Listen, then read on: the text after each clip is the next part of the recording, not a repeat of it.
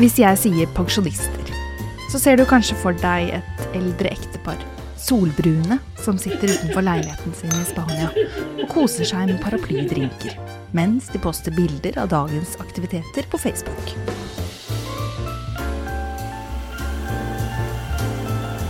Men det er ikke realiteten for alle. Vi har alle hørt det og forstår at pensjon er viktig, men hva er det egentlig? Åssen funker det? I denne episoden skal vi forklare deg akkurat det.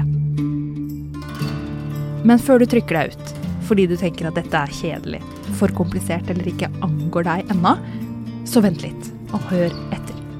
For det kan hende at nettopp denne episoden vil få mye å si for din fremtid. Enten man liker eller ei, så er det blitt mye mer sånn individualisert på en måte. Det er din pensjon, og det er ditt ansvar. Dette er Røsla. Jeg heter Ida Bind. Ok, Google, jeg skriver Hva er pensjon? Folketrygd Hva er folketrygd? Får alle pensjon? Jeg ser tjenestepensjon, innskuddspensjon, hybridpensjon. Oi, der var det mye som dukket opp. Det her er et virvar av begreper. Alexandra Plate, pensjonsekspert i Formue pensjonsrådgivning.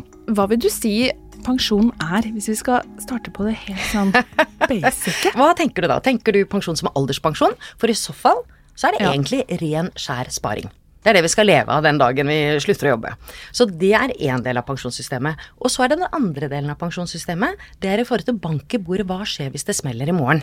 Hvilke sikkerhetsnett har jeg da? Og det kan være typisk da uførepensjon.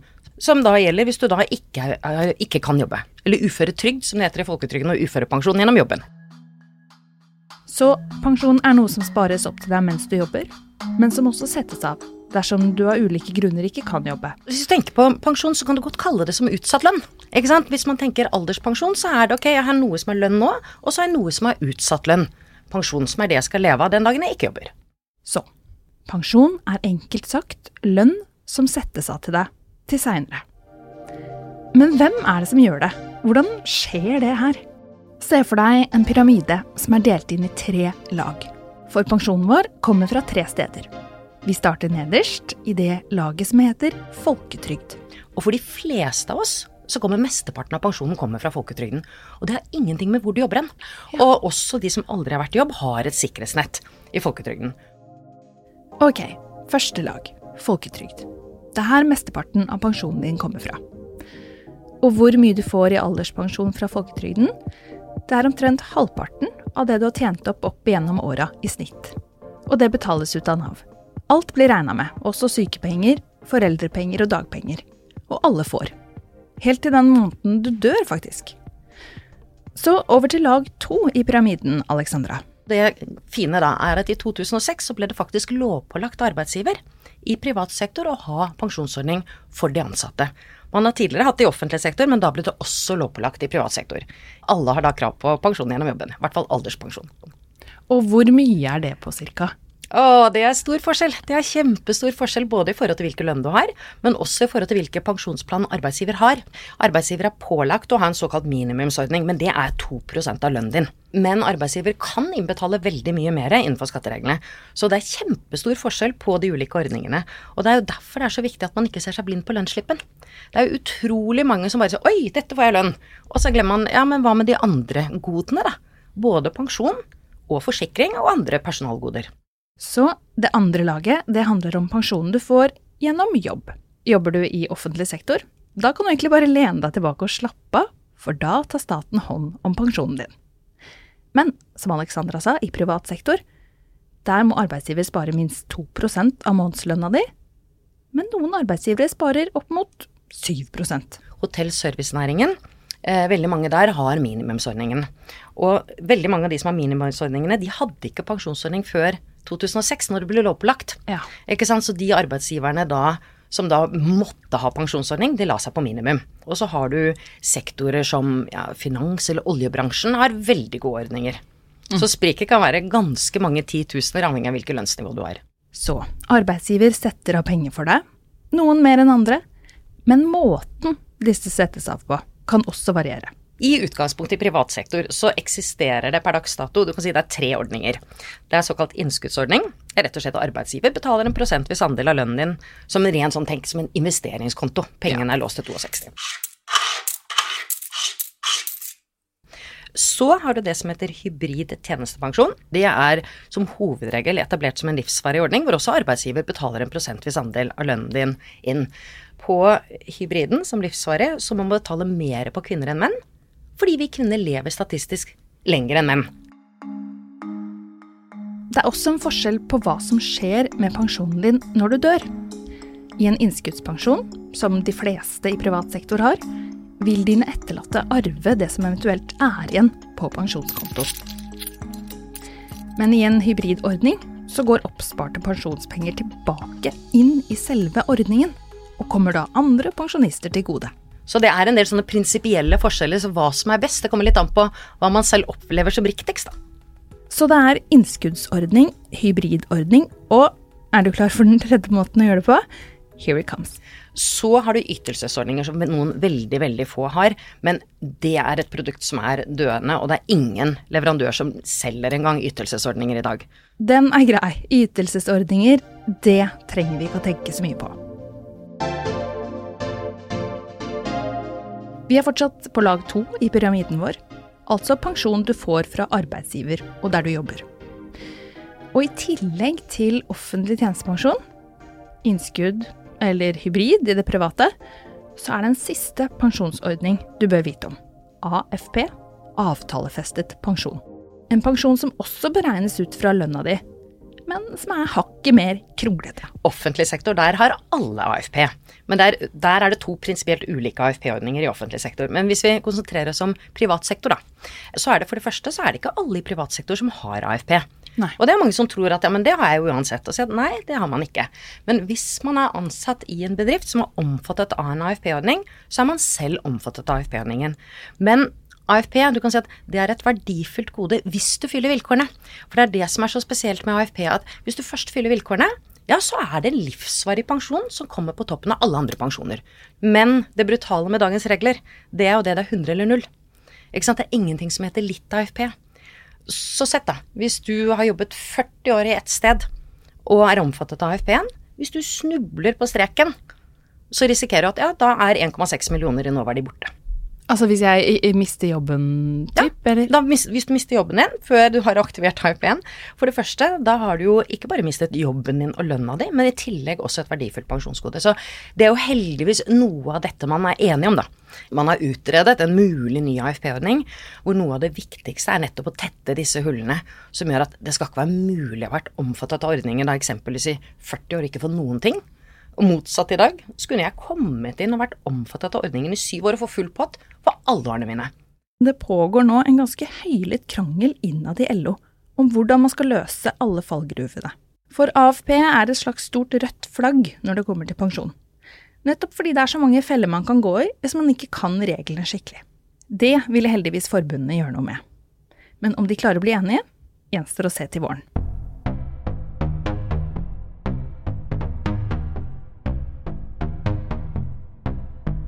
Til nå så har du fått høre at pensjon er noe alle får, at det kommer fra folketrygden i lag 1, og fra arbeidsgiverne dine i lag nummer 2, og at noen får ekstrapensjonen AFP. Men jeg tipper du sitter og tenker nå, hvorfor skal jeg bry meg om dette? Hvis du tror at det her ikke er relevant, så følg med nå. Som samfunn må vi forandre holdningen til alder i takt med at vi lever lenger og er friskere enn før. Dette er årsaken til at vi fra og med i dag får et helt nytt pensjonssystem i Norge. 1.1 i 2011 satt daværende statsminister Jens Stoltenberg foran pulten sin i statsministerboligen og snakka om det splitter nye pensjonssystemet vi hadde fått i Norge. Med innføring av pensjonsreformen så må man jo motivere de ansatte til å jobbe lenger. Unge må regne med å jobbe lenger enn de som går av med pensjon i dag. Det syns jeg er litt kjipt. Vi lever stadig lenger, og derfor måtte hele pensjonssystemet vårt legges om for at det skulle være penger igjen til de yngre. Hvis du ser konsekvensen av pensjonsreformen, da, så er det særlig de yngste som i størst grad blir berørt, og da særlig når det gjelder såkalt den levealdersjusteringen. Eh, veldig forenklet så betyr det rett og slett at når levealderen øker, Så sier man at ja ja, men da må du kompensere med å jobbe lenger. Hvis du ikke gjør det, så blir årlig pensjon lavere. Jeg har i hvert fall ikke lyst til å måtte vende på hver krone for å kunne leve livet mitt, da. Det her er lystekniker Vilde Wesser Jungberg. Vi i Røsla vi møtte Vilde, som da var 27, høsten for to år sia. Hun må jobbe til hun er 72 år for å få den samme pensjonen som foreldregenerasjonen sin. Vil hun klare det? Hun som har et tungt yrke der hun løfter tunge lyskastere, henger opp kabler og jobber på en stor scene hver dag. For det er jo en fysisk eh, jobb, så det er jo grenser for hvor lenge man orker å holde på, da. Men man kan jo håpe at kroppen holder en god stund til, i hvert fall. La oss ta noen flere eksempler. En som er født i 2006 og jobber til hun er 73. Og barn som blir født nå, ja, de må nok jobbe til de er over 74 år gamle for å få det samme i pensjon som det deres besteforeldre kan ta ut i pensjon nå. Og da sier det seg selv at ja, men hvis jeg ikke kan da, kompensere med å jobbe lenger eller ikke vil, ja hva da? Ja, da blir jo årlig pensjon vesentlig lavere. Og, så, og da er du igjen. Ok, da er folketrygd mye lavere. Årlig pensjon.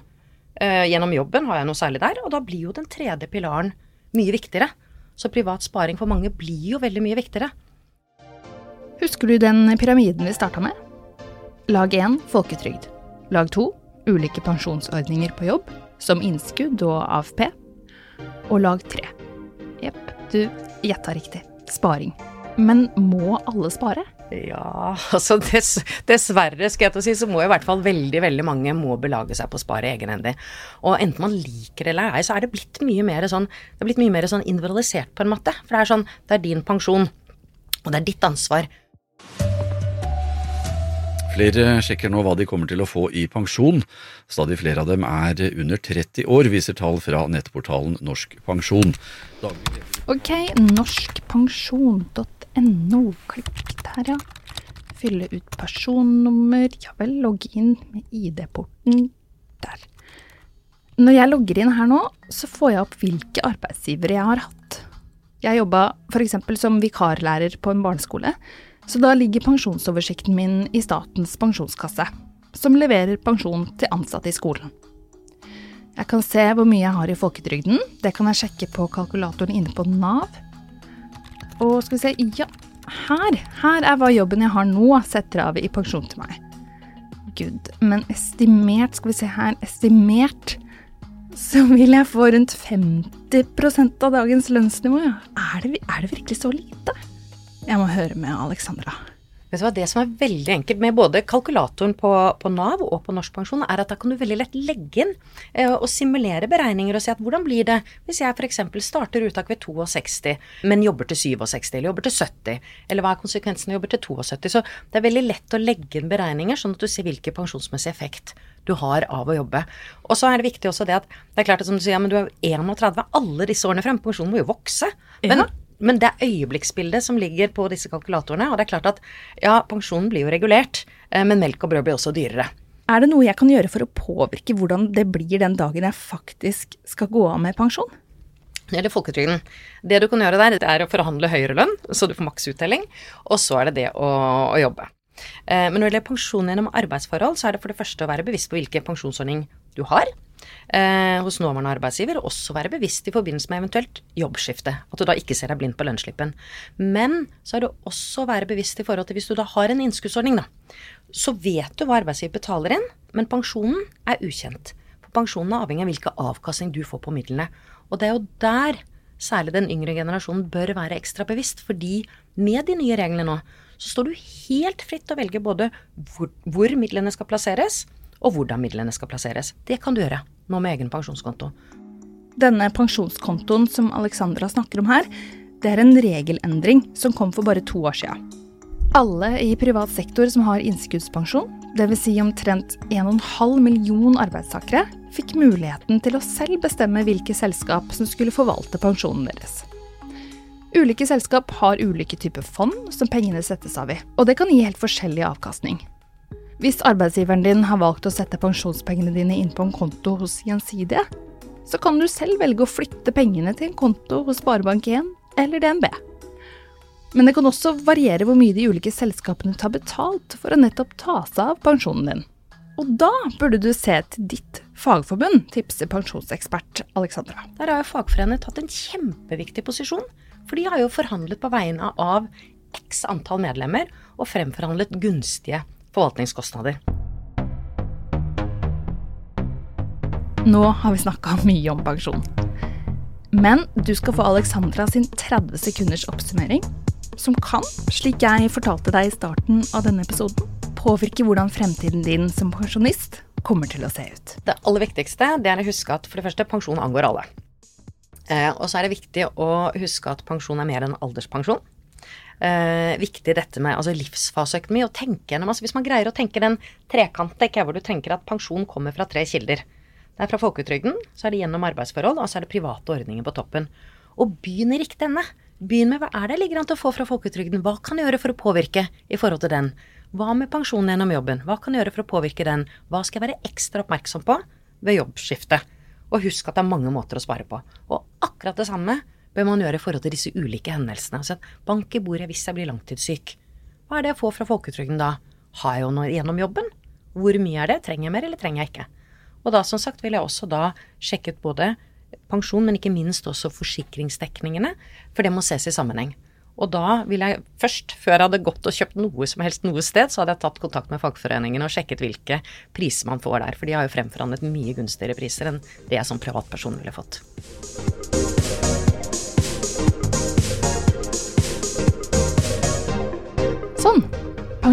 På 1, 2, ja, nesten 15 minutter. Og hvis du fortsatt vil ha mer pensjon innabords, så kan du klikke deg inn og lese på frifagbevegelse.no. Podkasten Røsla gjør deg klokere på hvordan arbeidslivet vårt fungerer. Denne episoden er laget av meg, Ida Bing, med bidrag fra Katrine Kars. Ragnhild Heierdal er ansvarlig redaktør. Kjenningsmusikken vår er laget av David Asha Kramani og Hans Kristen Hyrve. Og i denne episoden så har du hørt nyhetsklipp fra NRK. Har du forslag til tema vi bør ta opp? Vi blir glade for å høre fra deg. Kontakt oss på podkast at lomedia.no.